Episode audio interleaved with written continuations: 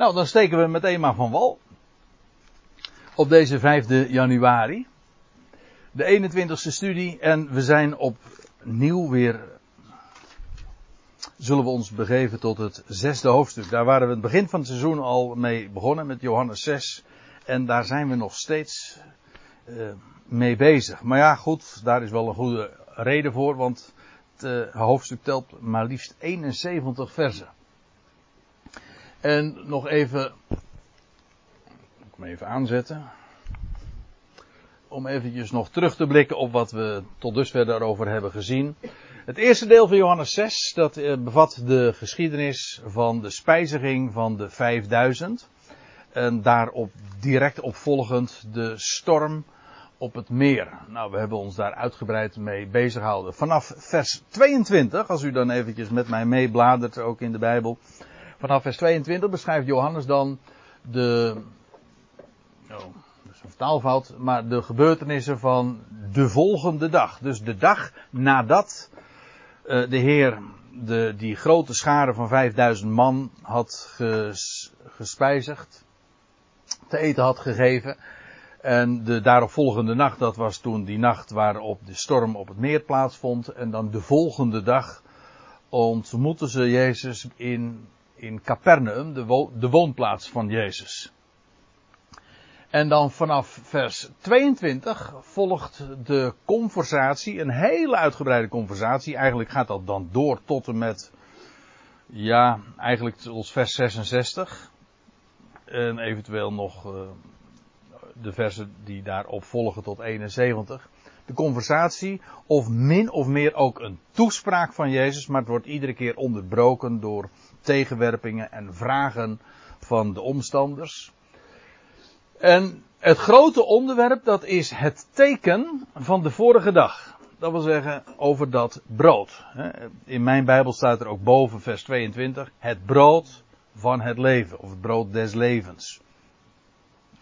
En daar gaat het allemaal over. Dat was de aanleiding en van, van de conversatie, van het gesprek, van de toespraak, zo u wilt.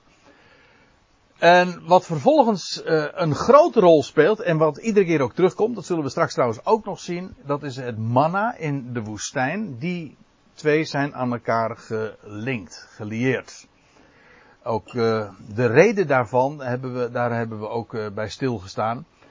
En uiteraard, en dat is misschien wel het grote punt in dit hoofdstuk, Jezus Christus als de vervulling daarvan. En met daarvan bedoel ik zowel het teken van de vorige dag, namelijk die vijfduizend die daar eten had gekregen, van die vijf broden en die twee vissen, maar ook het, de, het manna in de woestijn, dat uiteindelijk een, eh, een, weer een voorafschaduwing was van, van hem die zou komen.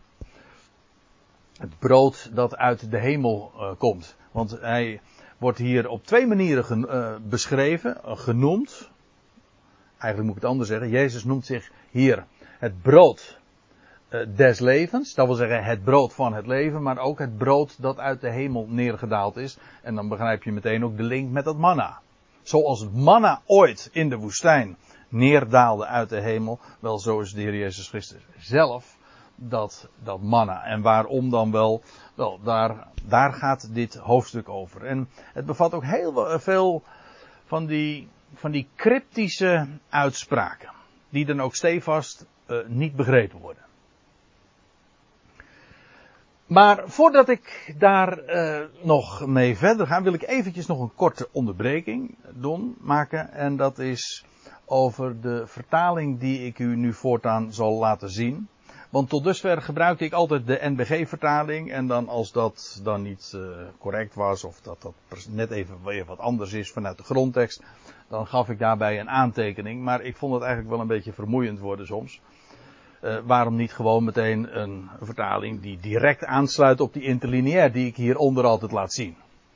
Dus uh, ik heb, zoals ik dat nu in meerdere studies eigenlijk inmiddels al standaard doe, ga ik het vanaf nu ook hier met deze studie, in deze studieserie ook op die manier verder. Een, een interlineaire vertaling. Ik Ik noem het maar even voor het gemak zo. En ik noem het zo omdat het een vertaling is die maximaal tracht aan te sluiten bij de interlineair. De, als u het mij vraagt, de beste interlineair die ik ken van ISA. Interlinear Scripture Analyzer. En dat is een woord voor woord weergave waarbij men ook vooral gekozen heeft voor een, um, een concordante weergave. Dat wil zeggen, woorden in de grondtekst, zoveel als mogelijk, één op één weergeven. Zodat daarmee inlegkunde en, en willekeur zoveel als mogelijk worden uitgesloten. En dat is, dat is geen ouderwetse vertaling. Bijvoorbeeld, u zult het woordje gij, zoals je dat in de Statenvertaling, maar ook in de MBG-vertaling eh, tegenkomt, uh, dat gebruik ik niet. Ik gebruik gewoon modern Nederlandse woorden, zoveel als mogelijk. Maar het is uh, aan de andere kant weer niet modern. Of, en zeker niet vlot leesbaar. Daar excuseer ik me dan voor, maar goed, daar heb ik wel een goede reden voor. Uh, een van de dingen bijvoorbeeld, en dat maakt het soms een wat stijve weergave, om wat, het geeft een wat gekunstelde indruk als je dat dan zo leest of hoort. Dat heeft vooral te maken met een van de redenen, uh, dat onderscheid dan tussen de aorist. De, u moet zich realiseren dat, ik hoorde vanmiddag nog, 42 dus uh, het, het, zit me nog vers in het geheugen, 42% van de werkwoordsvormen in het Grieks aoristen, aoristen zijn. Dus eigenlijk is dat min of meer de standaard.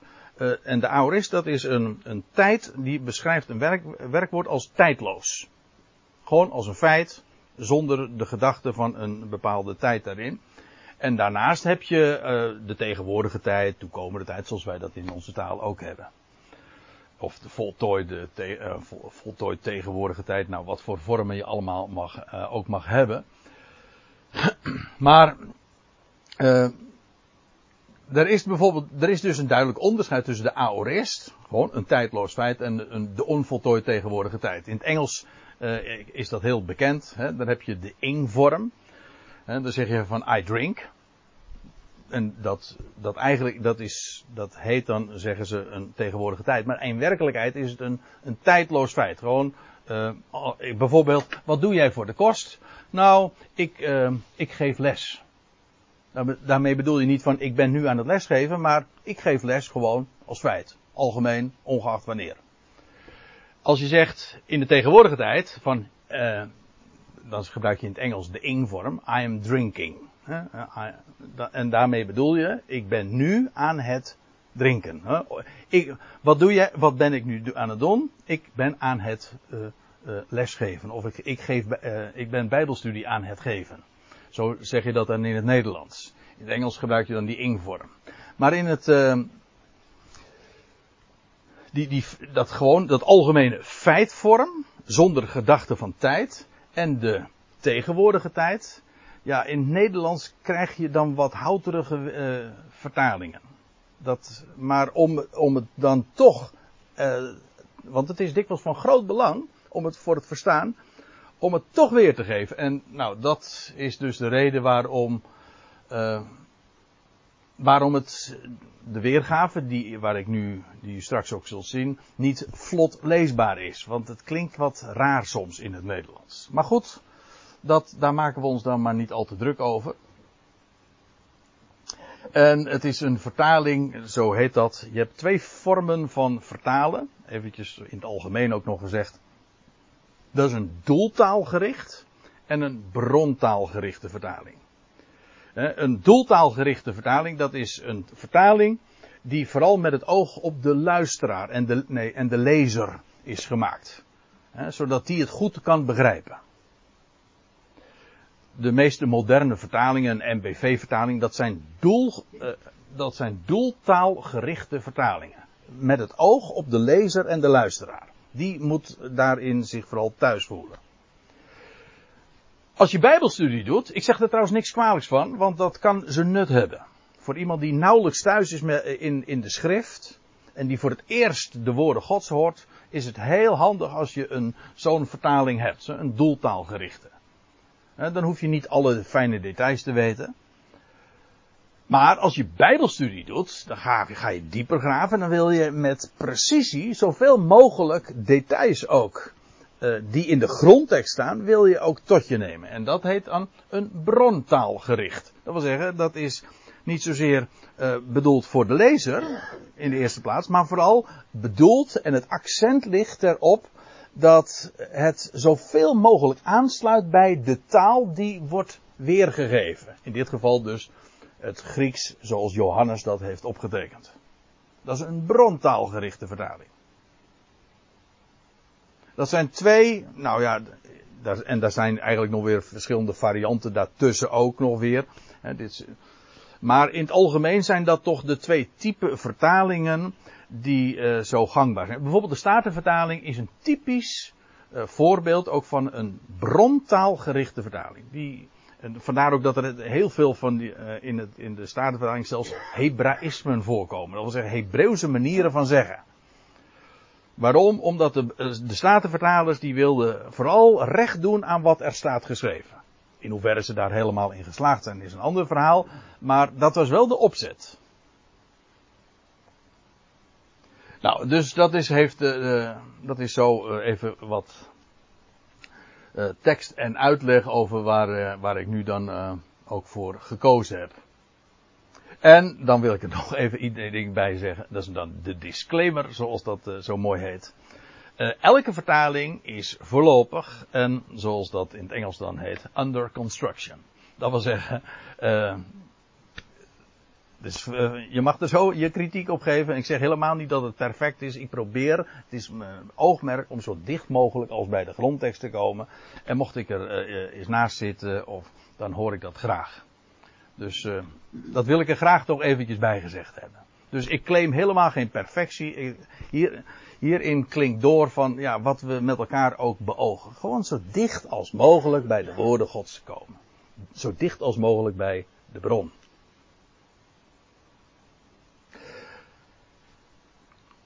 Goed. Nou, dan gaan we nu maar uh, naar Johannes 6. En we waren de vorige keer gebleven bij vers 51. En dit is trouwens meteen wel even een aardig voorbeeld ook van wat ik bedoel. Dan staat hier, dit is dus die, zoals ik dat dan noem, die interlineaire vertaling. Uh, ik ben het brood. hier is de Heer aan het woord. Het levende. Als je de MBG-vertaling hebt, trouwens volgens mij de Statenvertaling ook, dan staat er gewoon ik ben het levende brood. Ja. Is dat, maakt dat verschil? nou, niet echt een wereld van verschil. En toch, uh, in dit geval is niet alleen maar het brood bepaald. Het brood. Niet zomaar brood, nee, ik ben het brood. Maar ook het leven is bepaald. Kijk, en als je zegt ik ben het levende brood, dan is levend, of levende, niet bepaald. Terwijl in de grondtekst, zegt, heeft Johannes gezegd, u ziet het hè. Ik ben het brood het levende, en dat verticale streepje, daarvoor, hier. Weet niet of je het achteraan ook helemaal ziet, maar dat verticale streepje wil zeggen dat het de onvoltooid tegenwoordige tijd is. Dat wil zeggen, ik ben nu levend. Het, ik ben het brood. En ook het levende. Niet zomaar leven, nee, het levende. Het echte leven. En wat Johannes daarmee bedoelt, dat is niet zo moeilijk, want altijd als hij het heeft over het leven, dan heeft hij het over het leven van de opstanding.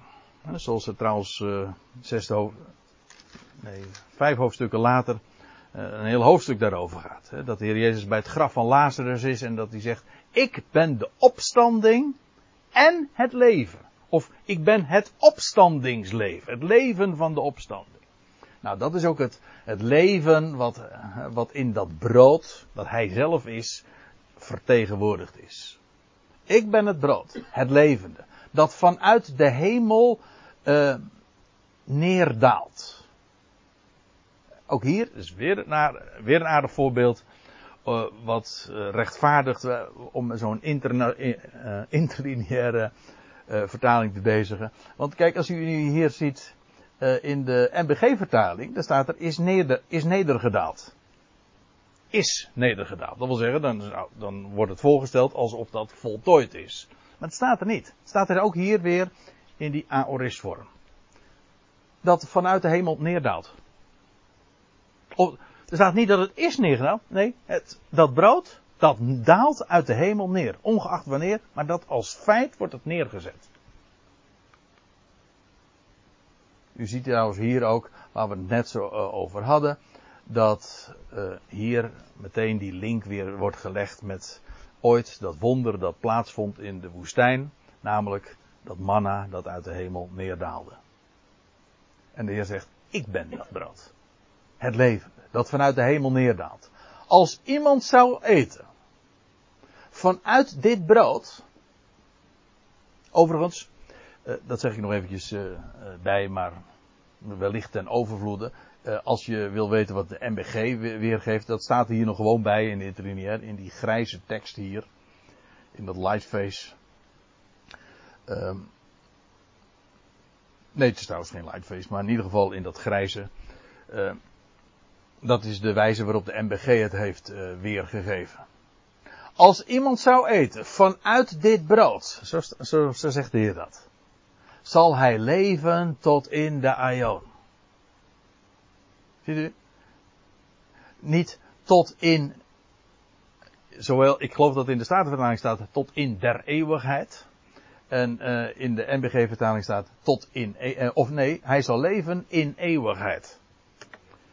En dit is, ja, daar gaat het niet om. Het gaat niet over eeuwigheid. Altoosdurend. Dat is absoluut niet de gedachte. Dat leven, waar het hier over gaat.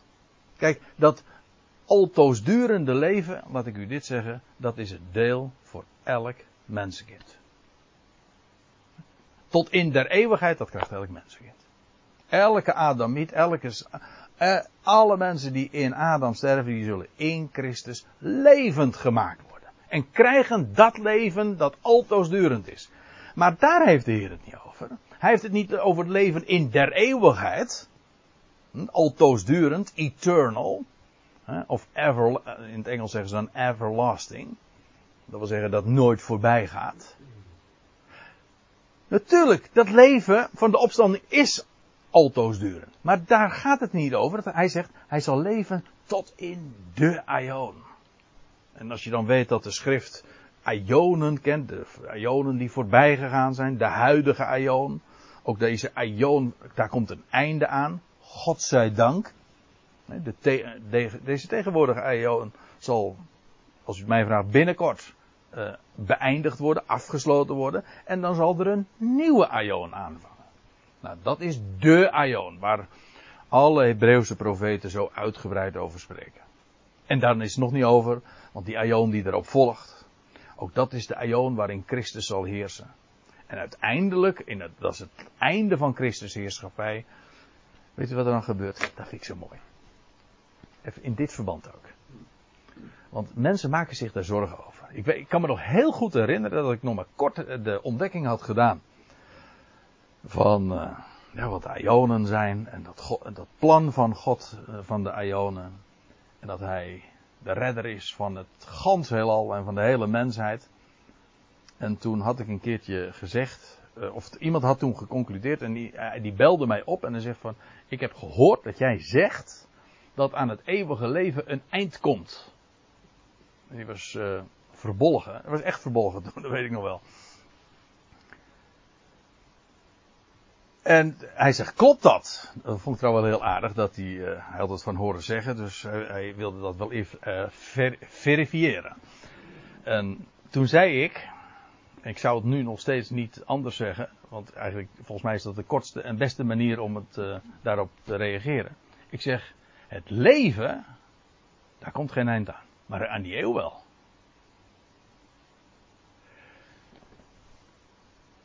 Die, de aion. Kijk, Christus zal heersen tot in de aion. Als Christus straks uh, zal terugkeren in zijn parousia, dan vangt zijn heerschappij aan.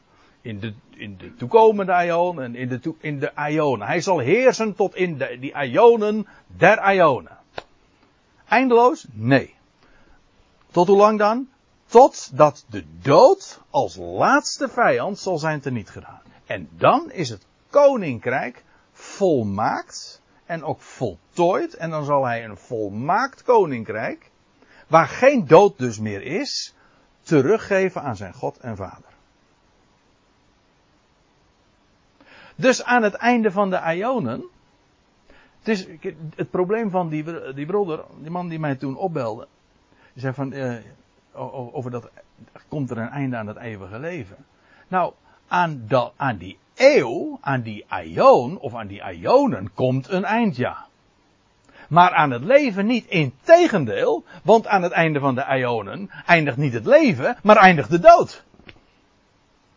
Dat, dat is namelijk waar de, hij zal heersen tot in de Ionen, ja, en, en hij zal heersen totdat, Christus heerst niet tot in alle eeuwigheid of zo. Nee, hij heerst totdat hij de dood als laatste vijand zal hebben teniet gedaan. Ja, en aan het einde van die Ionen, dan hoef je geen zorgen te maken dat het, dat het leven ophoudt. Nee, de dood zal worden teniet gedaan. Hoe?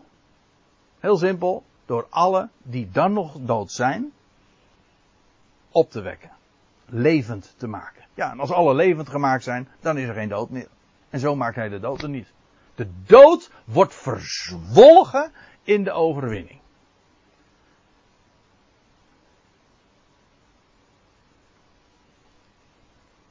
Dat, leef, dat leven van de Ionen, dat is dus niet het deel van alle mensen.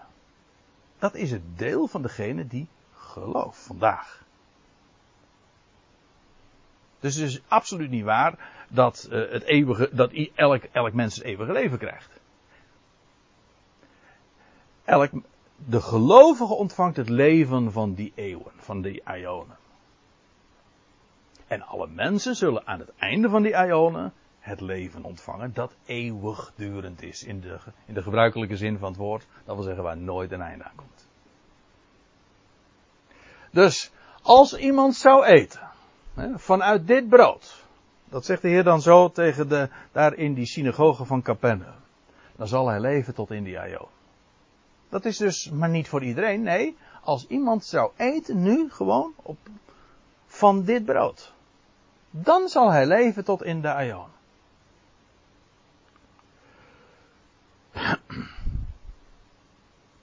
En, zegt de Heer erbij, het brood echter dat ik zal geven, hm, aan het geven zal zijn. ja, nou ja, goed. Dat soort, uh, dat, dat, soort uh, nuances, dat soort details, die komen dan aan het licht. En het, het brood echter dat ik zal geven, dat, wat is dat brood? De Heer had hier gezegd, ik ben dat brood. Maar het brood dat hij geeft, dat is het vlees van mij. Het is heel, ja, het is ook wel typisch eh, taalgebruik. Ook, ik, ik gebruikte het woord zojuist al even eerder, uh, cryptisch. want eerst zegt hij, uh, het brood, ik geef, wat ik geef, hij zegt, wat is dat? Dat is het vlees van mij.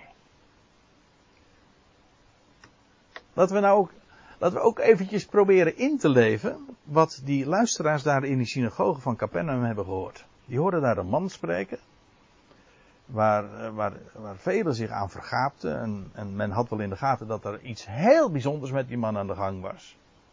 Aan de hand was.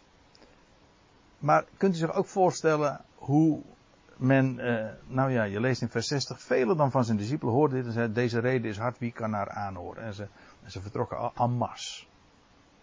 En het lijkt wel erop, als u het mij vraagt, alsof de Heer hen in het harnas jaagt. Met ook zijn, ja, met de terminologie. Ah, het, is, het is net alsof hij uh, niet wilde dat iedereen het begreep. Toch eigenaardig beeldspraak. Brood dat ik zal geven, dat is het vlees van mij kom er straks nog eventjes op terug. Maar eerst nog even dit. Uh, het vlees van mij, ja, waar, dat is, dat moet je gewoon heel letterlijk nemen, dat is dus zijn lichaam. Nou, namelijk, ja, zijn lichaam dat opgewekt zal worden, want het is namelijk levend, hè. Hij geeft daardoor leven. Waarmee trouwens ook weer uh, al ligt opgesloten dat hij eerst zou sterven. Sterven en opstaan. En in die opstanding ja, zou hij het leven aan het licht brengen. Dat is dus met recht. Dat leven is dus is echt concreet in zijn vlees. In, uh, hij zegt na zijn opstanding ook van. Uh, als die dan uh, verschijnt, dan zegt hij tegen de zijnen van, geef me een visje te eten. En dan, dan hij zegt, en ziet, ze dachten eerst met een geest van dom te hebben. En dan zegt een, een geest heeft geen vlees en beenderen, zoals ik heb. Maar de Heer was in zijn opstanding werkelijk fysiek. Oké, van een heel veel hogere orde, maar niettemin vlees en beenderen. Niet geen vlees en bloed, maar wel vlees en beenderen. Fysiek. En in, als eersteling was hij ja, degene in wie dat leven, wat eens de hele schepping gaat vullen, ja, was, dat was allemaal in hem als eersteling vervat. Brood dat ik zal geven is het vlees voor mij ten behoeve, let op, van het leven van de wereld. Daar zie je ook hoe enorm die rijkwijde is. Het is er is een rangorde. Degenen die vandaag mogen geloven, die zullen het leven tot in de aion ontvangen. Maar er is de actieradius, als ik het zo mag zeggen, de, de rijkwijde, het bereik van dat brood, dat, dat gaat de hele wereld, de hele kosmos. Het woord wat hier gebruikt wordt in het Grieks is eigenlijk kosmos. Het is het leven van de kosmos. En, en, toen ik in de auto hierheen op weg zat, toen moest ik er eh, aan denken. Ik, had, ik, ik overdacht zo dit vers, dit, deze regel. En toen dacht ik aan, uh, aan Jozef. Ja, ik bedoel, niet de vader van Jezus, maar Jozef, de, de zoon van Jacob. Dat zeg ik trouwens ook niet correct. Want, de, hè? want Jozef, de vader van Jezus, was ook de zoon van Jacob. En als ik nou zeg van, nee, ik bedoel de dromer, dan zeg ik het ook niet correct, want beide Jozefs waren dromers. Ja, toch? Ja. Dus ja, je moet wel eh, goed zeggen. Maar ik bedoel de Jozef uit het boek Genesis. Die, die Jozef. Die Jozef, die werd genoemd in Egypte, lees je. Ergens, ik geloof in Genesis 41. Hij werd genoemd Safnat Paaneach. En dat is heiland of redder der wereld. En waarom werd hij zo genoemd? Wel, hij had graanschuren gebouwd. En voor de hele wereld had, ja, had voorraadschuren gemaakt. En, en, dat was beschikbaar voor de hele wereld. Dat wil zeggen, hij, hij verstrekte brood. Zodat men de hongersdood. Uh, oh, uh, men niet de hongersdood hoefde te sterven. Hij verstrekte brood voor de hele wereld. En daar ontleende hij ook zijn bijnaam aan, namelijk Safnat Paaneach. Ken geen Grieks, maar ik, uh, geen Egyptisch, maar dat, dat vergeet je niet gauw. Dat is zo'n schitterend type van, van de redder der wereld. Het brood des levens en het brood dat hij geeft, dat is ten behoeve van de hele wereld. Niemand uitgezonderd. En dat zal zijn uitwerking krijgen, ja. Ieder op zijn tijd, ieder in zijn eigen rangorde.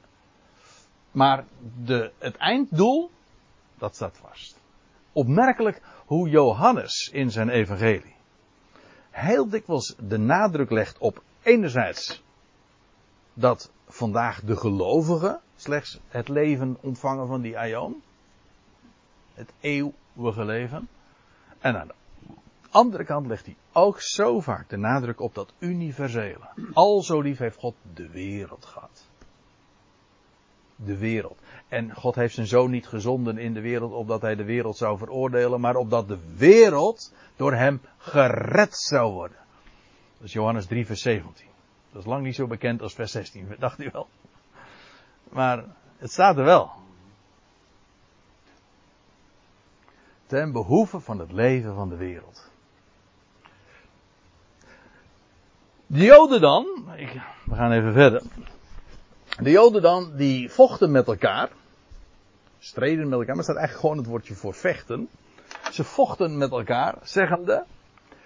Hoe kan, hoe kan deze aan ons het vlees van hem te eten geven? Hm. Ik zei al, het is toch eigenaardig taalgebruik. En daar stuit je, juist het uh, Johannes-evangelie is daar, uh, valt daarin op. En, en, en de Heer, het is net alsof de Heer met opzet inderdaad soms beelden gebruikt. Dat hij niet begrepen zou worden. Dat is een hele vreemde manier van communiceren. Zou je zeggen, van, want iedereen probeert toch, zegt iets, juist om door iedereen begrepen te worden. En het is eigenaardig, hè? maar mensen zeggen ook van, uh, dat is de algemene, dat is de gangbare uitleg van waarom Jezus in gelijkenissen sprak. Vraag het maar eens een keertje, zeggen allemaal van, ja, Jezus sprak in gelijkenissen, zodat iedereen hem kon begrijpen. het is precies omgekeerd.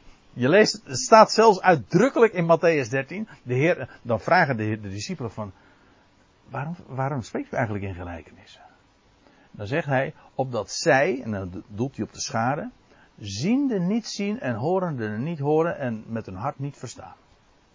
Want dan lees je, hij vertelde die gelijkenissen aan de schade en afzonderlijk aan zijn discipelen legde hij het uit. Dat wil zeggen, die schade heeft beelden gehoord, mooie verhalen enzovoort, en ze begrepen er helemaal niks van. Met opzet.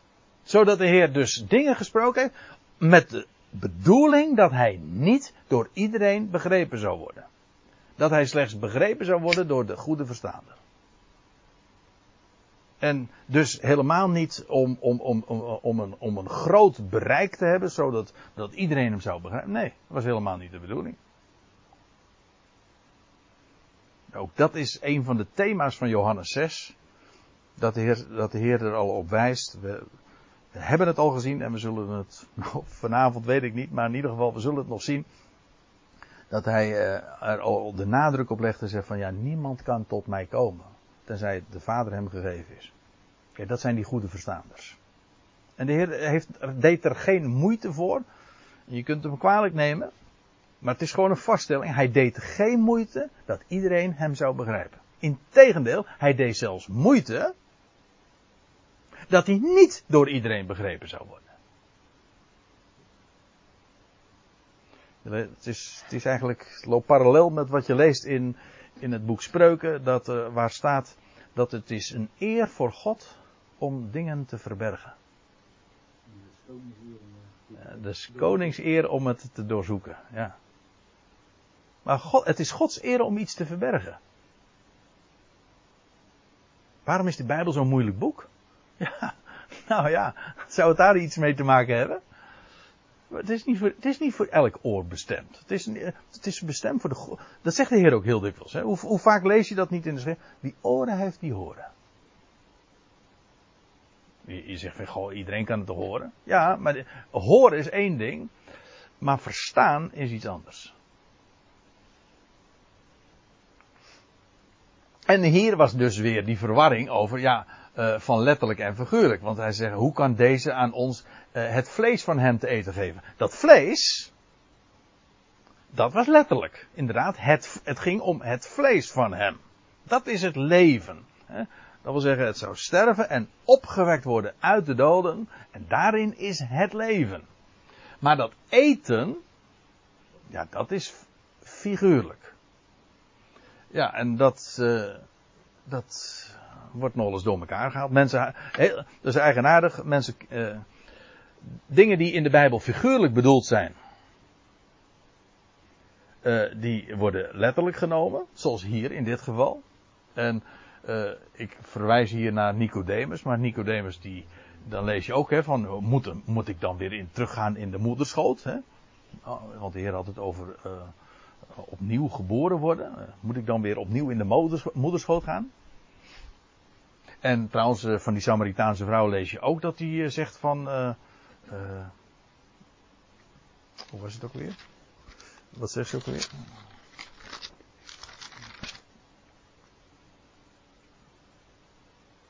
Oh ja, dat de Heer zegt van nou, als je wist aan wie, het, uh, wie het aan je vraagt, dan zou je gevraagd hebben om levend water. Dan zegt ze, huh? gij hebt geen emmer en de put is diep. Hoe komt gij dan aan het levende water? Hm? Ook daar weer die verwarring. Omgekeerde komt trouwens ook heel vaak voor. Namelijk dat dingen gewoon in de schrift volstrekt letterlijk zijn. En dat mensen dat dan vergeestelijken. Hè? Ja. Maar het heeft alles te maken natuurlijk met het, uh, met het goede verstaan. Afijn, de Joden die vochten met elkaar, daarover ook, zeggende, hoe kan, de, hoe kan deze aan ons het vlees van hem te eten geven? Deze zei, dan zei hij tot hen, amen, amen. Voorwaar, voorwaar, meestal vertaald. Maar hij zegt letterlijk in het Grieks, amen, amen. En dat amen, dat komt trouwens weer uit het Hebreeuws. En dat betekent, het is waar. Dus inderdaad, voorwaar. Voorwaar. Wij denken misschien bij amen van, uh, oh, dat betekent dat er gewoon een eind aan het, aan het verhaal is gekomen. Eind van de preek of het einde van het gebed of zo. Maar dat is helemaal niet de gedachte. Dat betekent, het is waar. De Heer zegt het hier zelfs niet aan het eind, maar aan het begin. Hij begint, uh, hij eindigt niet met amen, hij begint met amen.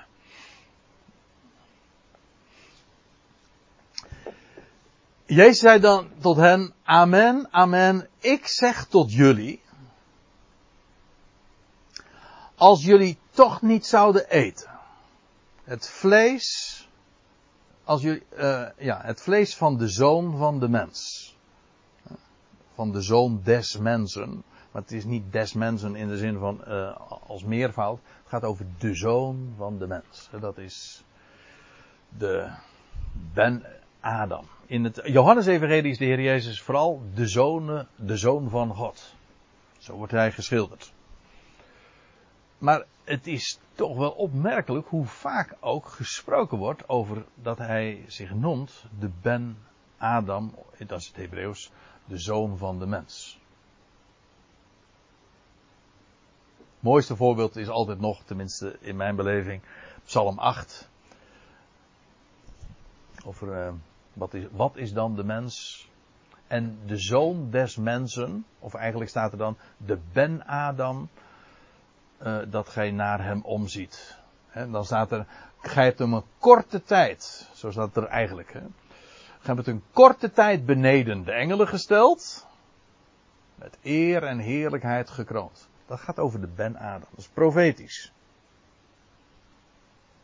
Dit slaat op zijn sterven, het lijden van zijn dood. Een korte tijd beneden de engelen gesteld.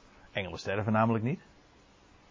En toen hij dood was, wel, toen werd hij beneden de engelen gesteld. Maar vervolgens, na die korte tijd, is hij met eer en heerlijkheid gekroond. Zie daar. Dat is de zoon van de mens. De zoon van de mens, eigenlijk dus de zoon van Adam. Adam betekent gewoon mens.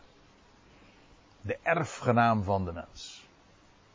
Zodat dus de, deze titel ook verwijst naar zijn eer en heerlijkheid nu, maar ook als degene die ooit leed en stierf en korte tijd beneden de engel is gesteld. Dus stierf en opstond uit de doden. Het vlees van de zoon van de mens en zouden drinken het bloed van hem.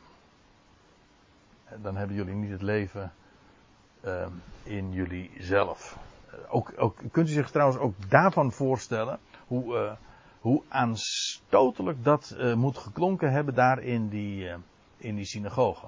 Een, het drinken van bloed. Als je iets bij niet tegen een Jood moet zeggen.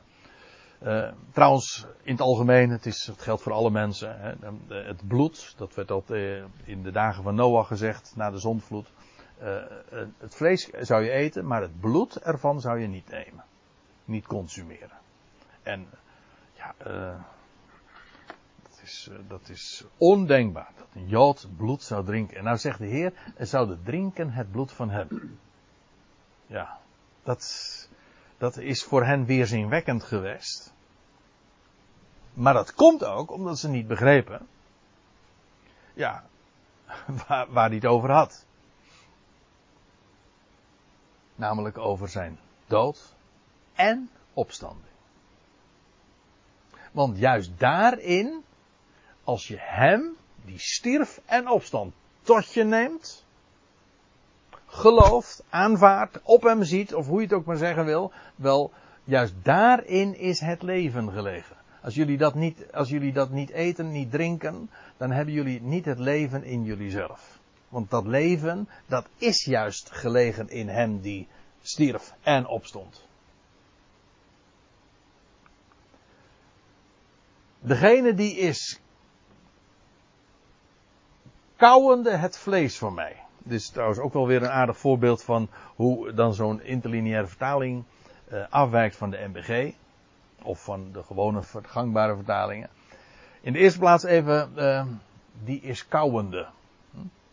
Ja, dat, dat, wil zeggen, die is bezig te kauwen. En dan vervolgens, uh, er staat niet eet, maar kauwende. Hier wordt een ander woord gebruikt namelijk. Je hebt een gewoon, het gewone Griekse woord voor eten. Uh, dat wordt meestal ook zo weergegeven. Uh, maar hier wordt een woord gebruikt dat anders is. Het komt een stuk of vijf, zes keer voor in het Nieuwe Testament. En wat hebben de vertalers gedaan? Die hebben het ook met weer eten weergegeven, terwijl het twee verschillende woorden zijn. In het Grieks. In het origineel dus. Dit woord is, uh, is, iets heel specifieks. Je kunt het trouwens, wat ik nu zeg, dat, is, dat heb ik helemaal niet zelf verzonnen. U kunt het in elk handboek ook nalezen. Dit is het woord voor, voor kauwen. Hm? Dus echt het, ja, dat deel van de, van de spijsvertering wat je heel bewust doet. Kijk, iets eten, dat is uh, ook echt tot je nemen in de zin van ook inslikken. Maar dit is alleen het, dit gaat over het kauwen. Dus, u zegt het is eigenaardig, ja, maar dat is wel zoals de Heer dat voor de, de toehoorders ook wat hij zo heeft uitgesproken. Degene die, die koud, die, het is tegenwoordige tijd, hè, die is kauwende. Die aan het kauwen is. Dit. Ja, herkauwen. Ja. Maar dat is het woord wat er gebruikt. Niet, het gaat er dus niet zozeer om van dat je het, het totje neemt of inslikt. Nee, die, degene die aan het kauwen is. Zo heeft de Heer dat gezegd. Nee, dat blijkt ook wel, want uh, dan zeggen ze ook uh, van deze reden is hard. Niet verteerbaar. En dat, dat blijkt ook wel. Dit was niet licht verteerbaar, nee. Degene die is kauwende het vlees voor mij. Wat een, een ook hier weer zie je die, die, die, die beeldspraak waardoor, als, waardoor de Heer als het ware een barrière opwierp om hem te begrijpen. Dit was echt, hier moet je over nadenken. Maar wie, wie koudt het vlees voor mij en, en, en is drinkende het bloed van mij. Maar als je weet waar het vlees van hem op betrekking heeft, namelijk op het feit dat hij stierf en opstond uit de doden, waarin echt leven is, ja, als je dat zo verwerkt. Want het woord is maar niet een kwestie van hapslik. hapslik hè? Nee, dat moet gekoud worden. En ja, dit woord, brood of manna, maar eigenlijk is dat ook gewoon het woord. En de Heer Jezus Christus is het woord. Dat zou gekoud worden en herkoud. Dat is ook een kenmerk van een, uh, een reindier. Hè? Dat het koud. Die heeft, degene die dat doet, daar zegt, daarvan zegt Heer, die heeft leven. Ionisch. Ja, je kan ook zeggen, die heeft ionisch leven of eeuwig leven. Maar letterlijk staat er, die heeft leven. Wel, wat voor leven? Wel, ionisch. Dat hoort bij die, de ion die aion die gaat komen. En ik zal hem doen opstaan in de laatste dag. We hebben het er al uh, een paar keer over gehad. Gewoon omdat die uitdrukking uh, een paar keer gebezigd wordt in, dit, uh, in deze geschiedenis. In, deze, in dit hoofdstuk. Hier zie je trouwens ook dat dat Ionische leven, dat is maar niet het altoos durende leven dat men toen kreeg. Zo van, en, dat ze nooit meer zouden de dood gaan of zo. Nee, in tegendeel, dat die, degene die hem koudt, degene die hem als woord tot zich neemt en dat inderdaad dus zo verwerkt, wel, die heeft Ionisch leven. Dat leven, dat hoort bij die toekomende Ion. En, en wanneer, zal dat, wanneer zal dat daadwerkelijk beginnen? Wel, ik zal hem doen opstaan in de laatste dag. Hij zal opstaan uit de dood. Met andere woorden, jullie, degene, die, degene die dat eten en drinken, die zullen weliswaar sterven. Maar ze zullen opstaan. En wel op een hele specifieke dag. En dan, ja, dat, dan vangt dat leven van die toekomende Aion aan. En over die laatste dag, ja, daar ga ik uh, nu verder niks meer over zeggen. Behalve dan nog even wat we er al van gezien hebben. Dat is die laatste dag van Daniel 12. Daar wordt gesproken over, over, 12, over 1335 dagen. Over 1260 dagen in ieder geval. Het is 75 dagen na die grote verdrukking. En in de laatste dag dan zal Daniel ook opstaan. Lees je. Trouwens, als u wil, precies wil weten wat er staat over die dag. Dat is het laatste vers. Ook het laatste vers van Daniel. Ja, van Daniel 12, maar ook van het hele boek Daniel. Dat is die dag waar, uh, waar de Heer uh, naar verwijst. Daar hebben we het al een paar keer over gehad, dus ik, ik wil dat nu verder uh, laten voor wat het is. Hier zie je wel, het is wel een heel mooi uh, aanknopingspunt dat, dat dat leven, dat Ionische leven te maken heeft met, het, met dat aanvangt uh, in, in de laatste dag, namelijk bij de opstanding. En ik zie dat het inmiddels bijna tien over negen is, dus ik stel voor dat we dan toch maar even eerst gaan pauzeren.